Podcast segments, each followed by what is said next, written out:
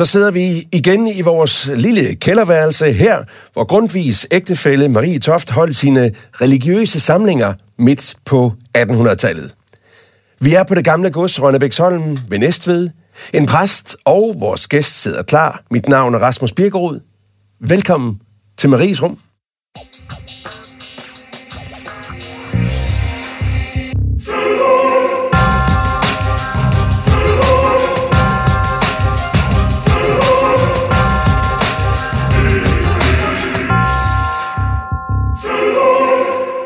Og vores gæst i dag, det er dig, Lars Muhl. Ja. Velkommen til. Tak skal du have. Forfatter til flere bøger om spiritualitet, og blandt andet bogen Seeren fra Andalusien, som blev solgt i mere end 100.000 eksemplarer. Og så i 80'erne, der er du også kendt øh, for, for et særligt et nummer, hvor du slog igennem som landskendt sanger, med det nummer, der vi alle sammen husker, tror jeg også, der var i den tid, nummeret Sjæl i Flammer. Mm-hmm. Og så har du altså gennem mere end 25 år haft en helt særlig interesse, som også er spændende i den her sammenhæng, nemlig at du har studeret sproget aramæisk, det er hverdagssprog, som Jesus talte. Er det, er det korrekt at Ja, formulere det på den det, måde? det, det tror jeg. Ja. Så øhm, ja, hvad skal vi sige til jer lyttere? Når det her program er slut, så vil I have lært i hvert fald et ord på aramæisk, når I har hørt det her program. Skal vi ikke sige, det er en ambition? Det er fint. Og så har jeg glædet mig til at byde velkommen til en ny præst her i programmet. Det er dig, Lasse Thormand Madsen. Velkommen til. Tak, mange tak. Sognepræst i uh, Herluf Magle Kirke, sådan et uh, kvarters kørsel nord for Næstved. Ja. 29 år gammel, og med en fortid som blandt andet, altså inden du blev teolog, fabriksarbejder, et sted, hvor man producerede hvad? Hvor vi producerede alt muligt i, i tynde metalplader, skåret ud på lasermaskinen. Ja. Jeg skal bare sådan helt elementært. Hvordan tager man spring fra fabriksarbejder på en metalindustriarbejdsplads til, til, til teologistudiet? ja, jeg ved heller ikke, hvordan springet var. Jeg tror, det var... Øhm, jeg skulle have noget at lave. Jeg øh, røg- røg ned med en depression, og jeg faldt på cykel og skulle finde en vej op igen. Mm-hmm. Og så øh, arbejdede min far på den her virksomhed, så han fik mig ind, så jeg endte med at være natvagt på de store maskiner, mm-hmm. mens jeg stille og roligt fandt ud af, hvad jeg skulle med mit liv. Og der er jo god tid til at tænke sig om, og jeg sige, jeg er helt alene midt om natten. Så det, det tror jeg har, har banet vejen til mit teologistudie. Tid til at tænke sig om. Ja. Depressioner og falde på cyklen, hvad kom først? Øh, falde på cyklen, Ja. og en svær hjernerystelse, ja. og et hul i milten og sådan noget, som gjorde, at jeg var sengeliggende i lang tid. Og okay. så kom depressionen stille Okay. og roligt. Men jo ikke nødvendigvis en, en, en dum erfaring at have med sig, når man så sidder i dag som præst, at du har været i det mørke rum. Jeg tror, det har givet mig, øh, det har givet mig meget. Det har været også, det har, i de der sene teenageår har det gjort, at jeg har stoppet op og tænkt mig om. Mm. Og det, jeg kan godt indimellem tænke over, hvor havde jeg været uden. Øh, jeg havde nok ikke været teolog og præst. Det, det, har, det, har, det har gjort noget meget godt for mig, tror jeg. Så når du sidder her som 29-årig, så må man bare sige, at det, man du sådan lige udstråler umiddelbart, når du er her i rummet sammen med Lars Muhl og jeg, det er ro og eftertænksomhed. Det, Ja. ja. det er godt. Lars Muhl, øh, aramæisk, Ja. for mennesker, der interesserer sig for tro og eksistens, og det må vi altså antage, at det er blandt andet, blandt andre vores lyttere. Mm-hmm. Hvad tilføjer aramæisk af viden om vores eksistens, hvis du kan sådan sige det i overskrifts, overskriftsform? Ja, for mig at sige, så er det simpelthen nøglen til budskabet i Nye Testamente. Hvordan det?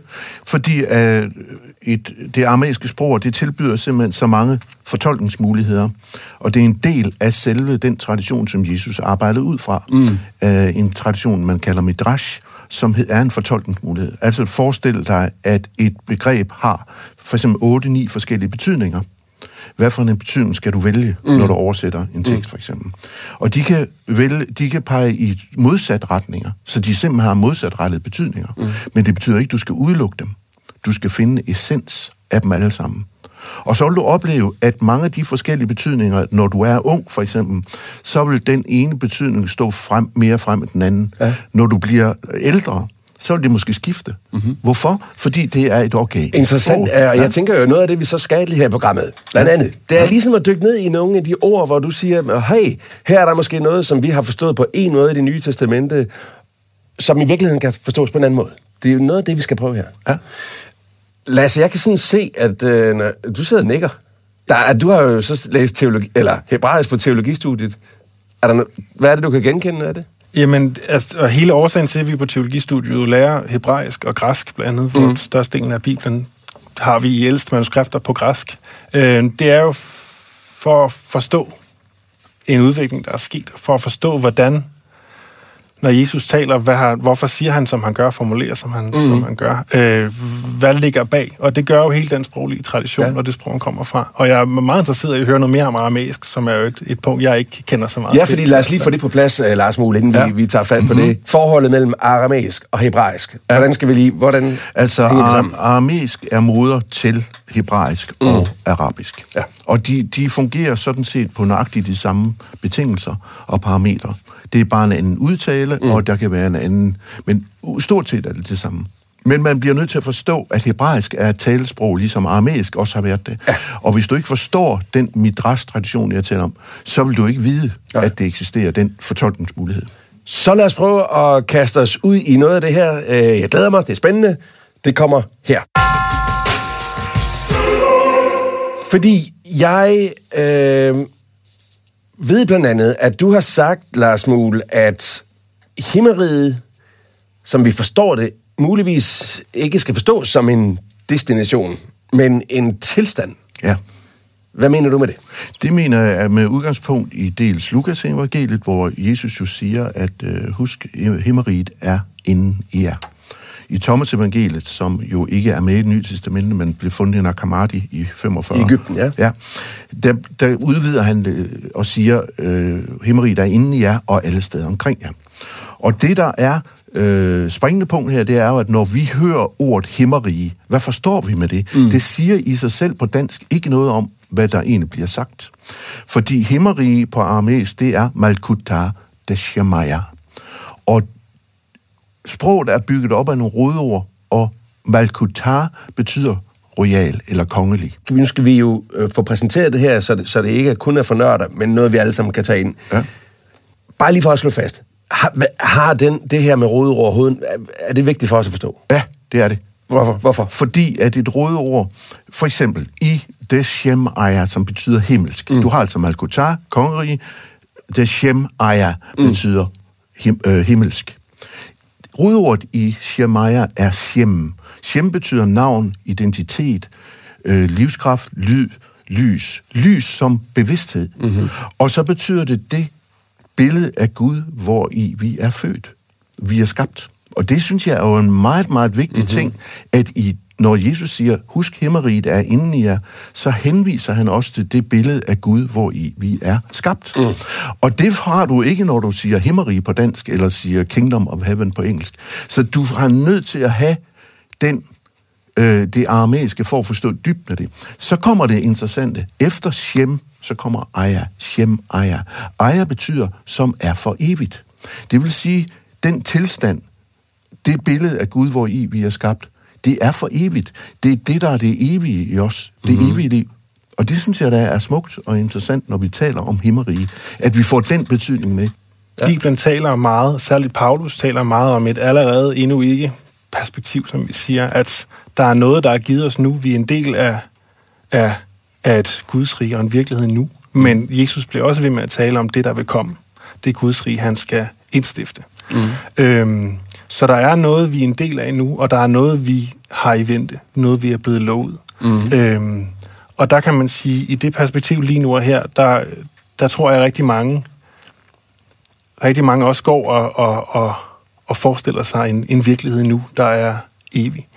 Øhm, samtidig med, at man også har, og det er måske lidt barnetroen, der sætter ind og forestiller sig, at der sidder en mand med lang skæg på en sky et sted, men, men at vi jo også bliver ved med at forestille os det, der er bedre. Og, Når vi, når vi har billedet med manden med det lange skæg på en sky, Lars, og du tæder og taler mm. om, en, om at, at det ikke er, er en destination, men en tilstand. Er det så et billede, du sådan selv egentlig i dit, eget- i dit eget univers forkaster? Det, Nej, det overhovedet ikke. Jeg synes, det er et meget smukt billede. Hvorfor? Fordi det er et billede, som for eksempel, når vi er børn, som vi kan forholde os til, mm. og som, som, at det så kan øh, udvides, det billede, Ja. det gør jo ikke det billede mindre. Det har sin funktion, og jeg synes intet, der er galt med det overhovedet. Det er jeg bare, det er jeg bare stoppet op ved, når ja. jeg stopper ved det billede, det er netop, at det er tit sådan, jeg hører det fra voksne mennesker, når de skal forklare, ja. hvorfor de ikke tror, ja. hvorfor de ikke er en del af kirken. Desværre, Det er fordi, ja. at de kan ikke forholde sig til, at der skal sidde en mand med hvidt skæg op på en sky. Lars, Ja, nu skal vi have fat i nogle ord. ja det skal vi. Hvis du, tænk, hvis du skal give os noget, øh, et ord, nu er det mig, der hiver fat i den her med himmeriget, Ja. Og den skal vi lige have igen selvfølgelig. Ja, og der vil jeg tage fat i det. Tag lige fat, skal vi have ordet igen? Malkutar Malkutar, de Shemaya. Desemaya. Malkutar, Desemaya.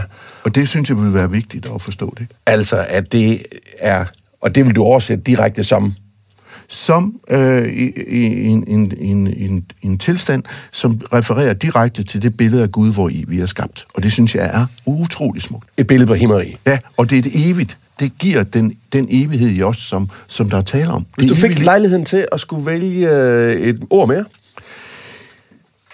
så skulle det være hel, Helligånd, ja, øh, som på aramæisk, øh, den syriske aramæisk hedder Ruka de Kutja. Ja. Øh, på, am, am, eller på hebraisk ville det være Ruach Kadosh, men Ruka de Kutja, det ville være. Hvorfor? Fordi det har noget at gøre med vores åndedræt. Når, vi skal forestille os, at når Jesus taler om Helligånd, så så folk omkring ham en, et billede af en, øh, af en bro, som gik over til Gud. Hver gang man bevidst trak vejret, så vil man se Gud sidde mm. for den ene ende af åndedrættet, og individet for den anden. Og når man forlod det her liv, den her krop, så gik man over broen for sidste gang i udåndingen. Mm-hmm. Og det, er, det synes jeg også er utroligt smukt poetisk. Så det forbinder os med, at det er noget, vi har her og nu, vi kan forbinde os med. Helligånden er simpelthen det... poetisk siger du, poe- er det, Ja. men, men, men, men lad mig lige trække den lidt videre. Er det, er det smuk poesi, eller er der et, et glimt af realisme? Det er jo det, der er så fantastisk ved det Ja. sprog, at de Ja. har begge dele i sig. Ja. Altså det... Øh, Er det sådan, du, er det sådan, du, du tror, verden hænger sammen? Altså, at vi, nej, det giver bare den mulighed for, at Helligånd, mm. hvad er det for en størrelse? Mm. Øh, nå, øh, at vi har en direkte forbindelse til dig, hvis vi vil. Så, Men er det sådan, du selv tænker det? Ja, Jesus han sagde jo for eksempel, det er muligt at blive genfødt selv i dette her liv, siger han til Nikodemus. Mm. Og Nikodemus spørger, jamen, hvordan kan man blive født to gange af moders liv? Han taler jo om, at vi tager et valg nu i det her liv. Det er jo ikke noget om, at når vi engang skal herfra. Nej, det valg kan vi da tage nu. Ved at, og for eksempel, du kan gå hen i superbrusen, og så kan du simpelthen begynde din praksis der. Mm. Der står en ældre dame nede for bag ved køen, som... Øh, jeg kender folk, der har mediteret i 30 år, som ikke har øje for, hvad der foregår der. Mm. Og der står en dame, der har brug for din hjælp. Ser du det? Mm. Hvis du ikke ser det, jamen, så synes jeg, det er fuldstændig ligegyldigt med praksis. Mm. Det er vores engagement i det daglige, Men- hvor vi skal walk the talk. Men at Helligånden er et udtryk for vores værtrækning. At på den anden side det af er vores ikke- værtrækning er, er Gud. Det er Det- vores forbindelsesled til Gud. det er jo igennem... Du, vi kan jo prøve her nu at lade være med at trække vejret. Og det vil finde ud af, det kan du ikke. Men det er vel biologi. Nej, det er det ikke. Det er jo det, er jo det der gør, at det er en, en realitet for os her mm. på jorden. Ikke? Nu har vi brug for det åndedræt. Og i det øjeblik, at vi har, bare har den tanke, at nu er jeg i forbindelse med det guddommelige. Lasse, hjælp mig lige her.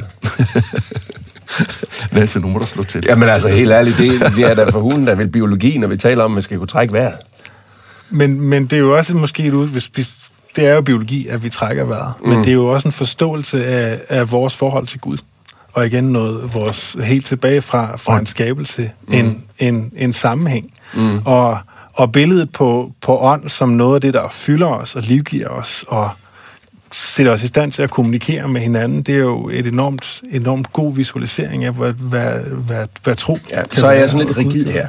Altså, er det, er det poesi og billeder på, og, og, og sådan en, en, en visualisering, eller er det, er det også et udtryk for, at sådan, sådan hænger verden sammen? At Gud rent faktisk er på den anden side af, af åndedrættet? Øh, Rasmus, prøv at høre. Altså, for eksempel inden for den øh, russisk ortodoxe kirke, eller den græsk ortodoxe, ja. Jesusbønnen, mm. som du sikkert har hørt om, ikke? Herre Jesus Kristus, øh, forbarm dig over mig. Den bruger man jo simpelthen i åndedrættet. Inden for alle traditioner, til Østens og så videre, og så videre, der bruger man åndedrættet mm. i bønnen. Det eneste sted, jeg ikke finder det, det er i vores del af verden. Og det er sådan set bare det, jeg prøver på at forklare. Det har vi også her. Mm. I stedet for folk, de skal rende til Østen og alt muligt for at finde alt det, så har vi en praksis her, som er så let at gøre, fordi vi har mm. den med os. Vi skal ikke købe den. Det, den er givet os. Er det så din forklaring på, hvorfor meditationen er, er væsentlig for os? At det er her, vi har et fokus på vores åndedræt. Siger du, i det øjeblik, man forbinder det fysiske med det metafysiske, mm. så, så begynder du at operere på flere felter på én gang. Mm. I stedet for, at du bare laver noget gymnastik, fordi det skal vi også gøre. Nu har du en bøn, for eksempel, hvor du siger, jeg er kærlighed. Eller du siger, øh, du, på indåndingen kan du for eksempel bruge som et mantra, Helligånd, udånding himmerige, Helligånd, himmerige, og gør det til en del af din, hele din væren igennem en dag, så hvis jeg, jeg vil opfordre folk til at prøve det, mm. og så se, hvad der sker. Det gør en kæmpe forskel. Er du fristet, Lasse? Det holder dig fokuseret, for eksempel. Mm. Jeg tænker, at det, altså, det lyder godt. Altså, jeg, jeg, øh, jeg er måske lidt mindre... Øh, på den måde fysisk og sanselig også i, min, i, min, i, min, i mit trosliv. Mm. Men samtidig så, så bruger jeg jo fader vor, måske ikke med min værtrækning, men jo netop som noget, jeg siger for mig selv, til netop at få den her fald ned. Og det er jo noget, jeg siger, det er jo det samme, jeg siger igen og igen, det er det samme, vi alle sammen siger igen og igen om søndagen. Fader, hvor vi kan den udenad, og for mange af os tænker egentlig over ordene, men det er blevet lidt sådan et, et mantra. Altså, ja. der, der ligger jo også et ja. element i det, selvom at Bestemt. jeg i min mm. del er lidt mere fjern fra, fra det sanselige, kropslige element i, øh, i det. Men der ligger noget meditativt i den gentagelse. Ikke? Jeg oplever, at mennesker, der har oplevet noget, øh, der oplever en søgen, som måske har mm. været følt sig rystet, rykket ud, har brug for øh, at finde et svar og en bekræftelse. Og der, der øh, kan jeg sagtens forstå, at, at man kan have brug for måske at få kroppen med, mm. og man kan have brug for øh, at gøre det hele lidt mere, lidt mere sandsligt. Nu nævner du fadervor. Det er jo en fadervors indstiftelse, som jeg lige husker det, er en del af saligprisningerne, en del af bjergprædiken, en del af Matteus evangeliet. Og der har du også en pointe, øh, Lars, med, at, at der øh, på saleprisningernes bjerg, der har, er der faktisk elementer af fadervor, som også kan forstås anderledes end det, vi gør i dag. Mm-hmm. Jeg prøver at uddybe det. Led os ud af fristelsen, befri os fra os selv og giv os styrke til at være et med dig. Lad os til, øh, tilgivelsens sande kraft at kende, og lad vores fremtidige handlinger vokse frem af dette hellige øjeblik. Amen. Det, er en, det kunne være en oversættelse mm. øh, øh, gennem den aramæiske midras. Og der siger du, led os blandt andet, du siger, led os ud af, ud af fristelse. Ja. Hvorfor? Befri os fra os selv. Hvorfor? Ja, fordi øh, det, jeg synes, det var vanskeligt at forestille sig, at Gud ville, ville lede dig ind i fristelsen. Mm. Så hvorfor skulle vi bede ham om ikke at gøre det? Vi skal nærmere ud af den. Og det, der bruger du øh, aramæisk til det? Ja, ja, bestemt. Mm. Jeg går ind i, i selve bønden, og så, ja. så bruger jeg traditionen, ja. midras-traditionen, okay. til at gå dybere ind i den. Ja. Led ja. os ud af fristelsen. Ja. Er det en bedre formulering, Lasse? Led os ud af fristelse, i stedet for led os ikke ind i fristelse? Øh, den er i hvert fald, at når jeg taler med konfirmander om fadervor, for eksempel, så, så er det et sted, man slår sig på. Hvorfor skulle Gud lede os ind i det? Også fordi med et meget moderne syn på menneskelig frihed, er det svært at, at forestille os, at, at Gud detaljstyrer os så meget. Altså, mm. vi, vi, vores fri vilje kan, er den, der fører os ind i, ja. i fristelsen, og der har vi brug for hjælp til at komme ud. Og ja, fordi ikke, det, det, det skaber vel det billede af, at, øh, at præmissen for tilværelsen er, at vi konstant på en eller anden måde er i fristelsen. At vi hele tiden er nogen, der, og, og vi hele tiden på en eller anden måde også forbryder os mod fristelserne, og så og så skal vi have hjælp til at komme ud af det. Mm. Så det er lidt omvendt. Det... Vi, er ikke de, vi, vi er faktisk lidt de grimme mennesker, som skal ud. Vi er ikke de pæne mennesker, som skal undgå at komme ind. Forstår du, hvad jeg mener? Ja, altså, og det taler jo meget godt ind i et godt luthersk syndsbegreb, at vi jo alle sammen er synder. Mm. Og vi jo alle sammen, der er ikke nogen af os, der kan se os fri for at, for at synde, for at gøre det forkerte, for at falde fra fristelserne, ja. øhm, som vi jo har at operere med i Folkekirken. Så på den måde... Øhm, uden at, at rode mig ud i noget, hvor jeg skal have hjælp af min biskop til at finde ud af, så vil jeg ikke fortælle, hvordan fader, hvor øh, oversættelsen er. Okay. Men, øh, men, men jeg synes, der er rigtig mange fine pointer i den. Okay. Jamen så lad os lige øh, tage den, for vi har lovet, at der var noget, man skulle kunne her i programmet. Malkota des, Malkuta de Shemaya. Malkota de Semaya, Ja, som betyder Himmeri. himmeri. ja, simpelthen. Malkot, Malkuta. Malkota de De. Malkotar, det er Shemaya. Ja. Malkota de Malkuta. Semaya. Er det noget, du bruger i din prædiken næste gang? Det kunne godt ske. Nu, måske ikke lige på søndag, men næste søndag, så må vi se på det. Okay, Lars, jeg skal sådan lige høre, når, ja. vi, når vi sådan taler... Jeg skifter her, når vi taler om... Øhm, du nævner i forhold til værtrækningen, mm-hmm. øhm, at i, i, i- når vi forlader denne her tilværelse, mm. altså hvad er det for en tilværelse? Altså, Den fysiske. så din opfattelse af den virkelighed, der handler om dit, dit, dit efterliv, det er, at du stadigvæk er her, men du har forladt kroppen. Ja, det er, at man, man går... Altså, i, i den tradition, som jeg mener, Jesus kommer fra, der, der har man en siger, du har et liv, men det er for evigt. Ja. Så der er til synekomst og tilbagetrædende, til synekomst tilbagetrædende, og så tager man altid hjem til der, hvor man kom fra. Og vi kommer jo fra Gud, så der vil vi altid tage tilbage til. Hvad end du mener, så Gud må det være. Men det er jeg slet ikke i tvivl om. Det for mig ligger helt klart, at det er det, der sker. Er du i tvivl, Lasse? Øhm, jeg tror, jeg var ikke helt, øh, ikke helt enig i den her tilsynekomst tilbage, og altså, fordi, som jeg også tænker, vi har et liv, og det er evigt. Øh, vi er givet liv af Gud. Vi har et liv her på jorden. Men når det liv på jorden er slut, så øh, tror jeg ikke, vi har mere at gøre her, andet end som minder og, mm. det, det, det spor, vi har sat os i vores liv. Øhm, men så lever vi videre på en anden måde. Har du, Øhm. øh. fordi... Har du en tanke om, hvordan vi gør det? Øh, nej. Altså ikke sådan mm. så konkret. Nej. Det er jo, og det er jo noget af det, der, der svinger alt efter, hvad man drømmer om og håber på. Ja. Men jeg tror på, at det liv, vi lever, der er vi stadig i os selv. I begrebet mm. om kød substans, så tænker jeg, at der ligger et, øh, et tilsavn om, at vi er os selv. Også Altså, at vi har en individualitet. Vi har en individualitet. Vi, har, øh, vi er stadig dem, vi var i livet mm. i en grad, når vi går videre. Og dette med individualiteten, dette at vi er individer, som kan genkendes på den anden side af døden. Hvor, hvordan forholder du dig til det, Lars? Ved du hvad, jeg havde en meget personlig oplevelse, som også hænger sammen med det, som jeg skal... Vi skal tale om senere, ja. Øh, hvor jeg, hvor øh, et halvt år efter min fars død, hvor han kom til mig, mens jeg var, jeg var på vej til et, et foredrag. Mm. Lige pludselig var han til stede i bilen. Og som en bevidsthed. Og øh, jeg tænkte med det samme, nu skal jeg simpelthen, jeg har så meget, jeg skal spørge om. Og så siger han, jeg vil bare lige, vi, vi har den tid, der skal bruges. Og så fik jeg simpelthen nogle meget konkrete oplysninger omkring dødsprocessen. Han havde øh, var gået igennem døden og havde fået... Øh, jeg sad ved hans side, og han havde udbedt sig, at han skulle ikke have morfin eller noget. Og det fik overlægen der mig overbevist om, det skulle han så mm. altså have. Og, og der mistede jeg så kontakt til ham. Og han fortæller mig så nu, at det besværligt gjorde den overgang, fordi den er en meget vigtig overgang, hvor du skal tage nogle, hvor du skal være til stede. Så, så meget. Morfinen besværligt gjorde hans overgang. Ja, ja. for man bruger den, sådan jeg oplever. Jeg har også arbejdet meget med, med døde øh, ja. med, med hele den proces, hvor man plader folk til med det. Mere tror jeg af hensyn til de, de, de, de, familien, eller hvad det er. Mm. Han gik stille ind. Ikke? Men når du sidder og siger, du siger, du sidder ved siden af din far som en bevidsthed, Ja. hvad er det, der gør, at du bruger det ord? bev- Hvordan sad du? Altså, du sidder ved bilen ved rettet, Ja, og så, så, så, så, er du- fornemmer du noget ved siden af dig. Det er hele hans øh, tilstedeværelse. Kan du se det? Nej, men jeg kan høre det. Du kan høre det. Ja, det er det ord, der for. Og så siger han det, der svarer til min søsters død, som jeg skal tale om lidt senere. Ja.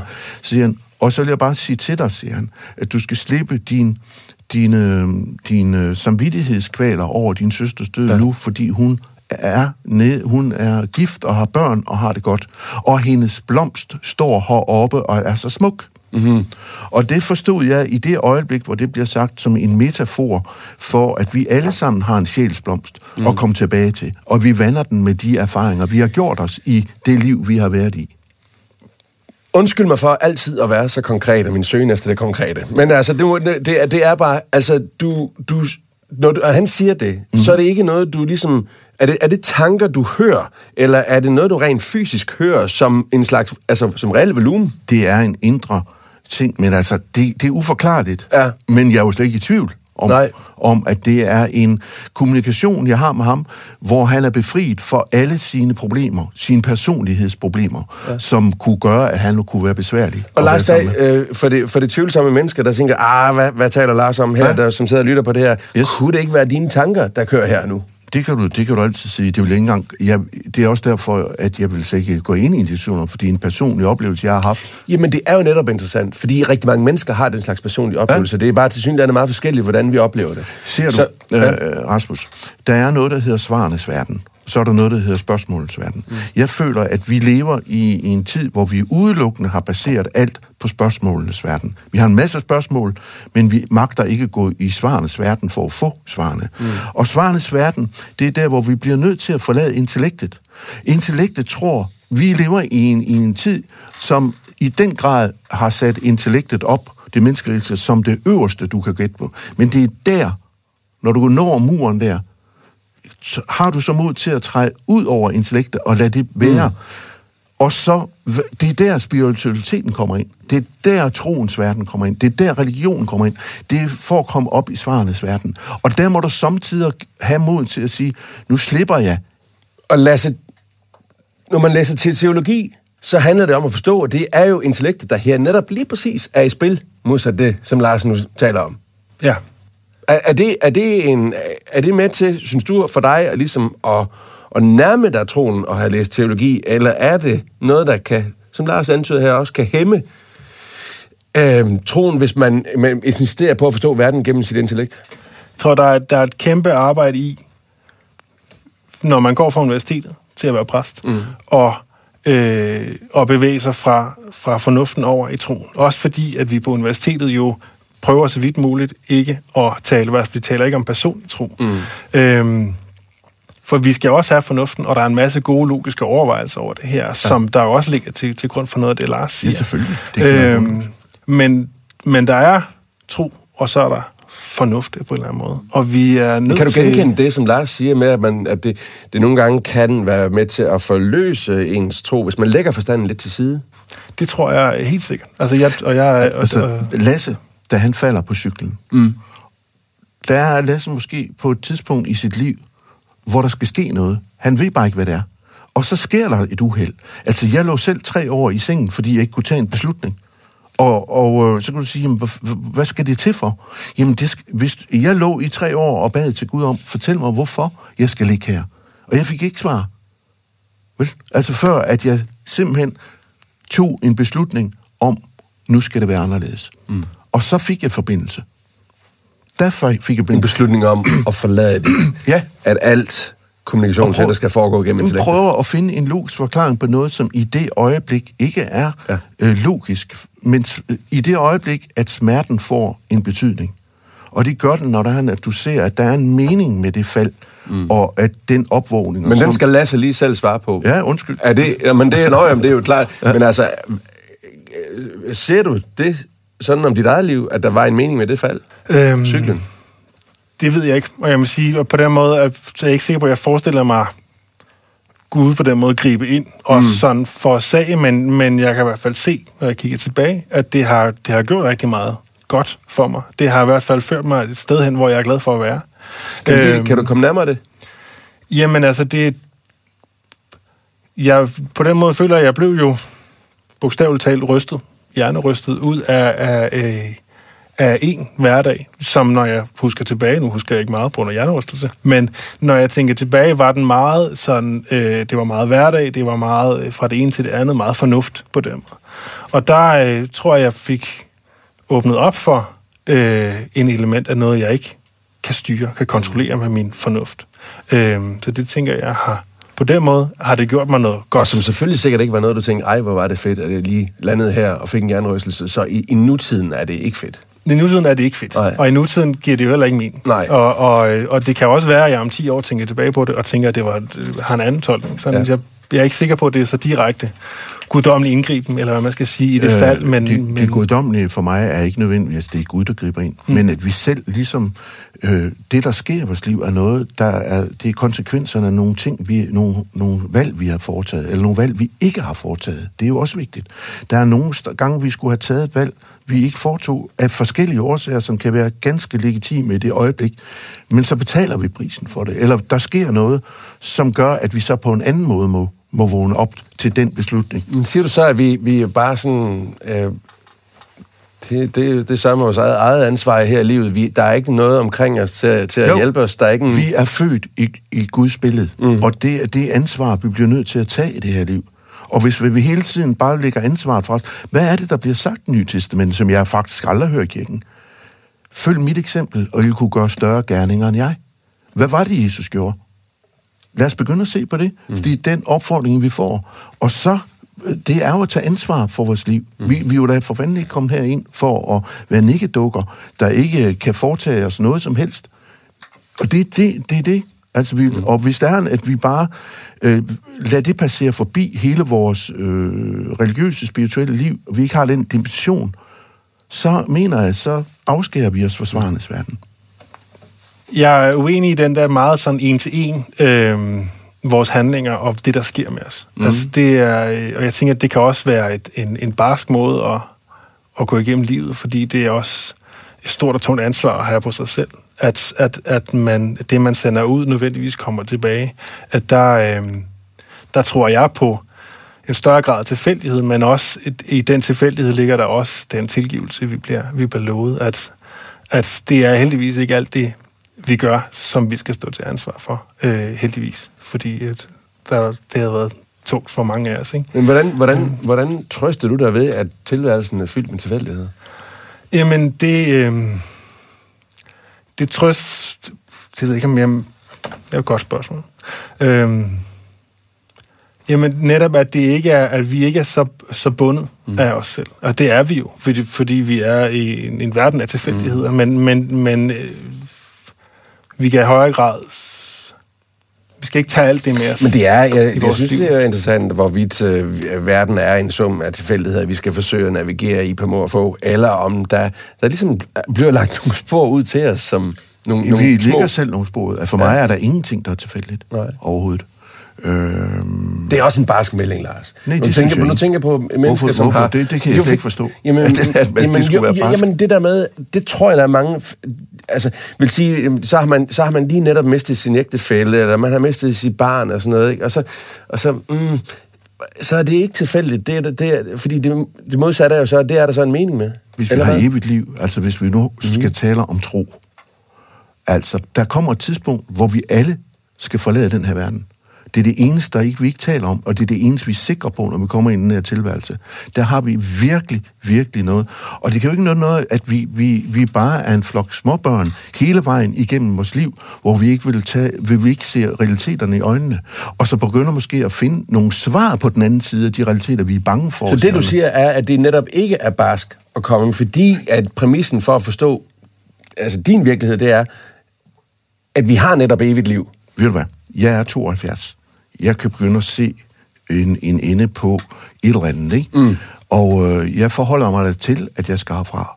Og øh, jeg er ikke på nogen måde bange for at skulle herfra. Eller har, øh, hvis vi begynder at tage ansvar for det, vi kan tage ansvar for, og samtidig også har en, en, en eller anden personlig forbindelse til det, vi kalder Gud, mm. hvad det så måtte være, for, de, for, de, for, for der er jo forskellige definitioner for folk. Men at vi ligesom prøver at tage vare på den side af eksistensen, som mm. hedder troen, eller religionen, eller spiritualiteten, så kan vi heller ikke gøre mere. Altså, så, begynder, så har vi også et bredere, et bredere billede og vi begynder også at se andre mennesker, mm. at andre mennesker også har noget, de går igennem, som vi kan måske også være behjælp med. Så det ikke er så... Jeg synes, vi lever på mange måder i en egocenters tid, hvor folk har alt for travlt med sig selv, og den, mm. hvor jeg synes, det, det er en del af det, vi er her for. Det er på grund af andre mennesker også. Vi er en del af, af, af en større sammenhæng. Det er en formulering, du godt kan ramme. Ja, sådan, altså, men jeg, men jeg også... Ja, det er... Øh det jeg sidder med, det er, hvor går grænsen for ens for hvor meget man selv skal tage på sig, og hvor, hvornår det er nogle andre, der skal tage det på sig. Netop mister man sin ægtefælde eller noget andet, at det, kan man tage det på sig som, som, som sit ansvar. At hun, det, det, det, ja. ja, eller ansvar, men det er vel heller ikke Lars' pointe her. Det er Nej. vel netop bare, at netop fordi livet er evigt, så er tragedien, om man vil, mindre. Ja. Og der tænker jeg, men er det, er det ikke netop, burde det ikke være nærmest helt logik for præster? Jo, altså det, og, og, og det, er jeg, det er jeg med. Det jeg tror det er mere i den der, øh, i, øh, i formuleringen af, at, at det, der sker en, det er, man, øh, det produkt af noget, man har gjort eller set. Øh, jeg vil også sige, at øh, det her, det er ikke noget, jeg, jeg, øh, jeg promoverer over for andre. Det er, det er min egen agenda. Mm. Og det er sådan, jeg... Det er sådan, Det er sådan, du ser livet. Ja, og, og ja. det er sådan, jeg, jeg kunne aldrig finde på at begynde at pege fingre af andre, hvad de gør og ikke gør. Nej, nej. Det er deres... Mm. Øh, men hvis der var nogen, der spurgte mig, ja. så ville jeg prøve at, at fortælle dem, at, at måske kan der være noget hjælp at hente der, ikke? Ja. Godt. Vi skal til at trække et spørgsmål. Det er sådan en lille øh, hurtig runde, hvor Lars, du... Øh, ja, det er en voldsom ting, det her. Det er en hurtig runde på store spørgsmål. Ja. Men altså, du kan vælge mellem Gud og Jesus-krukken, eller mystik og død i krukken. Vi prøver jo Gud og Jesus gruppen her. Ja, skal jeg læse op. Lars har trukket dette spørgsmål. vi siger, at vi tror på kødets opstandelse i trosbekendelsen. Tror du dermed på, at den krop, der tilhørte Jesus, genopstod? Altså, jeg, jeg, jeg, jeg forstår det ikke, kødets opstandelse. Nej. Fordi øh, for mig er det ånden, der lever videre. Og, og min fars bolig har mange, min fars rige har mange boliger. Mm. Der er mange forskellige andre bevidsthedsplaner øh, og, og øh, komme tilbage på. Ikke mm. nødvendigvis i inkarne, i kødet. Mm. Det kan jo være øh, på så mange andre måder. Men hvis man har noget at skulle gøre her igen mm. på jorden, som der ikke er blevet afsluttet, så får vi en, øh, inkarnerer vi igen. Og så kunne du sige, øh, så det er jo ikke kødets opstand, det er jo åndens tilbagekomst mm-hmm. i kødet. Ikke? Men det Der er røg du muligt, lige over i reinkarnation igen. Det, det er muligt, at det, kan forst- det, det, det skulle forstås sådan, Ja. som jeg lige har sagt her. At det ikke nødvendigvis den samme krop, vi taler om, men at man kommer tilbage i kødet. Kødets opstandelse. At det er... Lars, nu siger du faktisk, at i trosbekendelsen, der, der, der bekender sig rent faktisk re- reinkarnation. Det kunne det sagtens være. Det, det, det, det vil tror ikke, tror ikke, det er et tidspunkt nu, vi skal have præsten på, for at høre, Jo, hvad han det siger tror til jeg, det. det, det, det tror jeg, jeg vil være meget, meget rigtigt at få ham ind nu. Hvad siger du, hvad siger du til den, Lasse? Jamen, jeg tænker med, med kødets substans. Altså, en ting er, om, om Jesus opstod i ja. kødet. Og der, der er jo en, en opstandelse, hvor han rejser sig igen og viser mm-hmm. disciplin, sorgen i hænderne og sådan noget. Der er han jo virkelig tydeligt Ja. sig selv, men mm. han er også sig selv efter sin død, eller man skal sige. Mm. Øhm, og når vi så taler om, om kødets substans, som i vores trosbekendelse, så, så er det min tro, at, at som vi taler om tidligere, at det netop er, er os, i det os, der opstår, i det liv, vi har levet med, man kan sige, den del, der knytter os til verden og gør os noget andet end, end øh, guddommelige sjæle, men det, der binder os til hinanden, relationer, kærlighed, øh, erfaringer i en eller anden udstrækning. Hvad er det, du det, siger der. At kødets substance er de minder, vi lever videre igennem andre? Øh, nej. Altså, det kødelige ved os, og det er jo også sådan, man kan sige, at vi bruger ordet kød i, i Bibelen flere andre steder. Det kødelige ved os er det, der binder os til, til livet og til verden, og på den måde også til hinanden. Mm. Øhm, og det tænker jeg, at vi har med videre i Men opstandelsen. du Men- tror, tror du, at det skal forstås bogstaveligt, at øh, når du er død, så, kommer, så, så genopstår du i den krop? Det har jeg svært ved at forestille mig. Ja. At det er... Øh, Det at, er derfor, jeg ikke forstår det udsagn. Og det er nemlig, og det, det er der, hvor jeg tænker, at vi bruger ordet kød i ja. Bibelen på, ja. på øh, en mindre konkret måde. Mm. Netop som det, det, det værslige. Det, der har med, med, med Så det kunne i princippet også betyde, det som jeg lige var inde på, at vi kommer tilbage i bare en anden krop, altså kødets substans betyder, at vi reinkarnerer på et tidspunkt. Det, er- der er igen, der er vi tilbage i den der opfattelse af, af, af livet som et liv.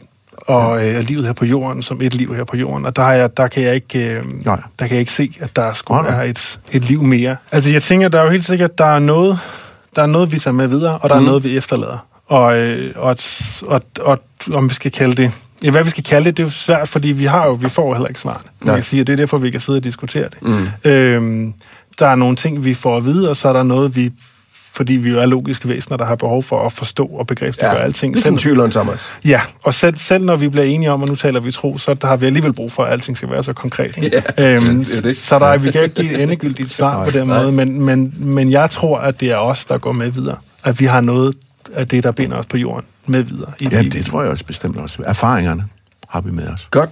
Den her kommer, kommer vi aldrig til at sætte et punktum på. Nej. Den får lov at køre videre i tankerne hos øh, lytterne derude. Næste runde. Fordi så gælder det de livsforandrende erfaringer, vi gør os i tilværelsen, og nogle gange meget tidligt i livet. Lars Muhl har på forhånd skrevet et brev til os, som han vil læse op nu. Ja. Værsgo, Lars. Tak. Jeg var 10 år gammel. Min lille søster Lone var i 1960 indlagt på Aarhus Kommunehospital med en hjernesvulst. Kort før hendes 6 års fødselsdag havde mine forældre købt den cykelsele, som hun så brændende havde ønsket sig.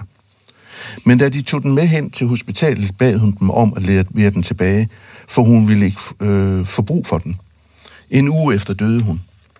Jeg er i dag helt overbevist om, at hun vidste, at hun skulle dø. At din søster på, på seks år vidste, at hun, hun skulle dø. Mm-hmm. Hmm. Hvordan var den begivenhed i dit liv livsforandrende for dig? Ja, det var jo for det første, altså det, der, der helt hører til historien, det var jeg i, inden da, inden hun, hun døde, i, i, i, meget, i et anfald af, af barnlig jalousi, bare en overgang ting, bare hun ikke var her. Mm. Og det var ikke fordi, at jeg, jeg, jeg, jeg, jeg, vi, var, vi var meget tætte. Mm. Men du ved, i... Og så, så også sker det her. Så det er min første møde med, at man skal passe på, hvad det er, man tænker, fordi det kan gå i opfyldelse. Så det forandrede min, min tilværelse fuldstændig. Altså gjorde, at jeg stort set ikke har haft nogen skolegang rigtig. Altså, i, er det, du siger nu, en form for skyldfølelse? Ja, det var det jo. Ja. Ja. I den grad. Jeg, det, var, det var dybt, Altså, dybt fordi at sort, en, en øh, syg søster, eller en, en, en syg søsken, altid vil fylde meget i... i man, kan, man bliver det, der hedder skyggebørn, eller hvad? At- Ja, der er jo mange ting, Ja, ja, ja, rigtig mange ja. ja. lag, som man kan gå ind i. Ikke? Ja. Men øh, det var først mange, mange år senere, at jeg fik... Øh, jeg forligte mig med det, men det kommer til at præge hele min opvækst. Og hele Hvordan min, det? Ja, ved, ved at jeg meget hurtigt blev... Altså, jeg kunne ikke gå i skole, så jeg tog rundt i, i Aarhus øh, omegn i skoven og sådan noget. Så da det blev vinter, så trak jeg ind. Skulle jeg finde et sted, så Aarhus Domkirke stod åben. Mm-hmm. Og jeg går ind, og så sidder organisten og øver sig på orgel. Og jeg bliver fuldstændig draget ind i det. Og der får jeg stort set i kirkerne i Aarhus min musikalske opdragelse. Ja. Og øh, jo også en eller anden form for gudforbindelse. Ikke? Mm. Og så kan jeg huske øh, på et tidspunkt, der er jeg simpelthen så øh, fortvivlet, at jeg, jeg siger, min første bøn til Gud det er, kære Gud, vis, giv mig et tegn på, at min søster er der et eller andet sted. Mm. Og så falder der simpelthen sådan et dun ned og ligger sig lige foran mine fødder. Og så kan du sige, jamen, nå ja. Mm. Men det gjorde der altså. Og for mig betød det... Er det det, du kalder Guds forbindelse? Det var det for, for mig i det øjeblik. Mm. Altså at være opmærksom. Og så, øh, da jeg er 14 år, der er jeg virkelig i, i en dårlig, har jeg det virkelig dårligt. Og der modtager jeg en dag en prøvekuvert med mit navn på, uden afsender. Og i den ligger der en, en bog af aforismer af en sufimester, der hedder Hasrat Inayat Khan. Og den åbner jeg, og så læser jeg, hvis du vil gå os i møde, så vil vi bøje os og løfte dig op. Det gjorde, at jeg faktisk begyndte mit studie som 15-årig af religion og tro i alle mulige retninger. Mm. Og, men mere og mere hen i det mystiske, kristne mystiske, mm. som bliver hele min, min vej faktisk igennem, helt fra mit, mit, øh, min teenageår. Men uden meget skolegang? Ja, det har jeg ikke. Jeg lærer sådan det engelsk igennem en af hans bøger. Okay. Ja. Men, men tilbage til, fordi det, så, så hvis du skulle pege på en følelse her, som er ligesom det, der starter det, så er det, så er det, så er det skyldfølelsen i virkeligheden. Ja, det er det. Fordi der er jo mange, der er jo mange følelser i, i sin søsters død. Der kan være sorg, der kan være desperationen, der kan være... Men skyldfølelsen. Ja, det, det var virkelig rystende, ja. Fordi du havde haft det, den tanke. ja. Og bag, efter jeg lige havde tænkt tanken, der, der var jeg også, øh, så rystede jeg den også af mig. Mm. Men jeg havde sendt den ud. Den, den var, det var en tanke, der blev manifesteret ved hendes død. Ikke? Så, øhm, og det, der var, der var ved, på det tidspunkt, det var, at der var ligesom ingen, der, der var ingen psykologer, der kunne tage sig af det. Altså, man kunne ikke håndtere det. Så jeg tror også, det var det, jeg fik lov, for, at- jeg fik lov at gå for mig selv, mm. fordi man vidste ikke, hvordan man skulle håndtere det. Men det er jo det, der nogle gange sker, hvor, som er jo ulykkeligt ved vores, ved vores menneskeliv, det er, at vi får lavet de her konstruerede sandheder i vores hoveder, mm. at øh, en ting, og så bliver koblet op på en anden, og så sker der noget, og så må de nødvendigvis hænge sammen. Og så får, det går vi rundt med de der begrænsede overbevisninger. Ja. Øhm, Men det er jo ikke nødvendigvis jamen, lad os lige... Lad os lige lad os, nej. I mit liv kan jeg jo se, at det har været en åbning ind til noget helt andet. Ja, det er klart. Måske noget, jeg skulle beskæftige mig med. Ja, Ikke? det er klart, når du kigger tilbage. Ja. Men jeg, jeg tænker på den 10-årige dreng her, Lars. Og det har ikke været sjovt. Nej, Øh, men og- det, det var heller ikke sjovt, øh, da Lasse han... Øh, Men Lasse, hvis du sidder, for du har jo den, det du er der, dit arbejde der med at, at sidde i så mange af de her sælesovs samtaler. Mm. Og du sidder med en dreng, der er i starten af teenageårene, og sidder med, med, med det her. Hvad, hvad, altså, hvordan griber man det an som præst? Ja, altså det er jo... Jeg synes ofte ved et dødsfald, at man hører, fordi der ligesom opstår den her pludselige tomhed, mm. og, og, og der er sket noget, der er så endeligt, og det er enormt svært at forholde sig til, at noget virkelig er slut, at et liv er slut, fordi der er, ikke, der er meget få ting i livet, der virkelig slutter. Mm. Øhm, så synes jeg ofte, at jeg hører om, om en skyldfølelse. Mm. At, og det kan, være, det kan være små ting, Ja, ja. som, som man jo sidder med fornuft. Når man har fornuftdelen af, af, af sig selv i gang, så, så tænker man, det er, jo, det er jo ingenting. Det er jo ikke din skyld. Mm. Men, men det, kan, det fjerner alligevel ikke den der skyldfølelse. man Nej, det er det. Hvordan i tale sætter man det i en sælesovs-samtale, skyldfølelsen? Jamen, det er måske netop at spørge. Det, og det, det har jeg i hvert fald gjort flere gange. Føler mm. du, at du kunne have gjort noget anderledes? Men jeg vil bare sige, at jeg, jeg fandt min vej igennem det, og jeg, jeg, jeg, jeg kom ind i musikken, jeg kom ind i, i en helt anden verden, mm. som jeg tror også var bestemt for mig på en eller anden måde. Altså det føler jeg helt bestemt, og så var jeg gået et andet sted hen, mm. tror jeg også. Ja. Øhm, så, så på den måde øhm, var det, som det skulle være. Det Men mener jeg. hvornår oplevede du, at skyldfølelsen så forsvandt? Eller, eller den, den fandt en hylde?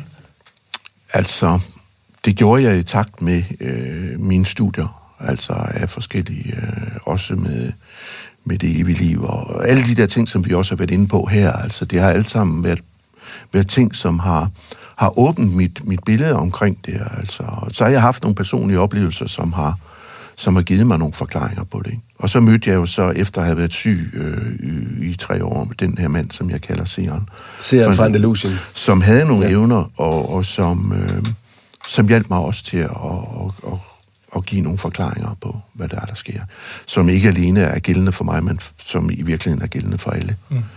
Men Og det er det, man kan læse om, vil jeg sige til lytterne, i den bog, der hedder Seeren fra Andalusien, hvor du starter i, dit, i din mørke år i din sygdom, og så ja. Øh, møder seeren hernede, øh, Ja. som så skaber en radikal forandring Yes. i, i dit liv. Ja. Jeg vil også lige bare foreslå no- noget, der knytter an til det. Ja. Siden mit 15 år har jeg sådan set læst teologi og alle mulige ting. Men jeg har ikke praktiseret særlig meget det, i den periode. Så møder jeg denne her mand, som ikke har læst ret meget, men har, kun har praktiseret. Og der forstod jeg, at lige meget hvor meget man læser, så ved man ingenting. Fordi du kan jo ikke læse en bog om, hvordan du skal lære at køre på cykel. Du skal op på cyklen for at lære det. Mm.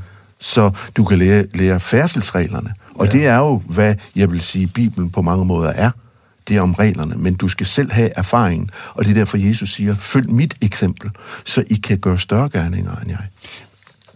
Jeg, nu skal jeg ikke lægge ordene i munden på dig, Lasse, men dig som præst, 29-årig præst, jeg tænker vel også, kan du genkende det? Altså i forhold til at være præst, der er saftsus med noget, man lige skal lære, som man ikke kan læse sig til, eller hvad? Er det, er det meget mig, der tænker det? I meget høj grad, vil jeg sige. Det er, Okay. Du bliver, også fordi man jo først er præst, når man er præst, og når mm. du står i det. Er der, er, er der en grad af, Lasse, at man, at, at, at sådan kvæg det, vi har talt om her, og det som Lars siger, at et behov for, sådan er det jo i nogle fag, man skal lære en masse, fordi det faktisk er vigtigt for ens fag, men der er også en grad af, at der så igen er noget, man skal aflære sig. Jeg har erfaret, og særligt når man sidder i en samtalesituation, mm. at der, det bedste du gør, det er ikke at forberede noget som helst.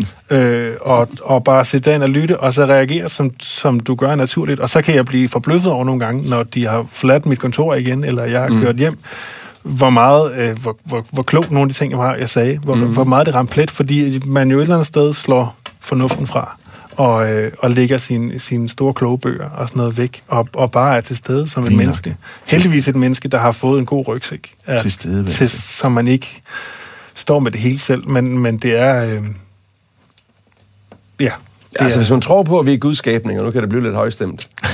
det var hvis det. vi tror på, at vi er gudskabninger, så, så er det vel også øh, først og fremmest dig, man vil tale med, mere end det, du har læst på teologi. Ja. Og ja. det, på den ene side, og på den anden side, så er det, bliver det nemmere for mig, fordi jeg ikke sidder der som, som person, mm. Lasse, men som, som præst. Så, så de, de åbner sig op på en anden, mere naturlig måde, når de taler med en præst, øh, end de gør, når de taler til en hvem som helst anden. Ja. Vi er faktisk ved at være øh, ved vejs ende i det her program.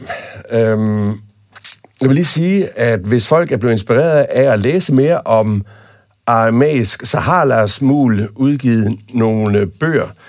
Øhm, jeg kan klart anbefale serien for Andalusien. Den har ikke så meget med det aramæiske sprog at gøre. Men, men der er en bog her, som hedder... Den ligger her på bordet. Lysets, Lysets lov. Ja. Det er, no, det er, den er ved at være... Oh, det er, hvad er den, 10 år gammel nu? Ja, Noget af den, stil. den, og den er udkommet faktisk rigtig mange eksemplarer her i Danmark. Kan det passe, at jeg har læst et sted, at den er udkommet 30.000? Den ja. ligger derude i 30.000 eksemplarer. Ja, det gør den. Så der i, øh, i bagsiden, der er der faktisk sådan et, øh, et lille, du har lavet sådan en lille, en, en forståelses, Jamen, det er en lille ordforråd til det nye testamente. Ja, det er for folk, som gerne vil vide noget mere om, øh, hvordan det sprog det virker og ja. fungerer, så kan de selv gå ind og arbejde videre med det. Og så har jeg taget udgangspunkt i nogle skriftsteder, som mm. jeg synes er essentielle. Men for lige at slå den fast. Malkota. Malkuta. Malkuta de Shamaya. Ja. Nu kan jeg det også snart. Malkuta de Shamaya. Himmeri. Himmeriet. Ja som er en tilstand, ja, og, og ikke og, nødvendigvis en destination. Nej, ja, lige nok. Lars Muhl, tak fordi du kom. Tak fordi jeg måtte komme. Og så skal jeg lige sige til, øhm, til dig, Lasse Thormand, jeg vil da egentlig lige sige tillykke med debuten her i Maries Rum. Jo, tak. Ja, hvordan klarer han det, Lars Muhl? Jeg synes, han klarer det rigtig godt. Ja. Det vil jeg sige. Godt. Ja. Indtrykket er, at efter ting som at rolige, rolige mm. væsen, den, øh, den holdt ved programmet igennem. Du kan opleve Lasse Thorman Madsen prædike i øh, Herluf Magle Kirke nord for Næstved. Og så er det bare at sige, at uden Henrik Vindeby, så vil der ikke være ret meget podcast her fra Maries Rum, for det er ham, der står for lyden og teknikken. Vores jingles har Søren Nyborg produceret, mens resten af programmet er blevet til i samarbejde mellem Rønnebæk Solm og Folkekirken i Næstved. Om 14 dage, så sidder vi her igen, klar med en ny gæst. Mit navn er Rasmus Birkrud. Tak for nu.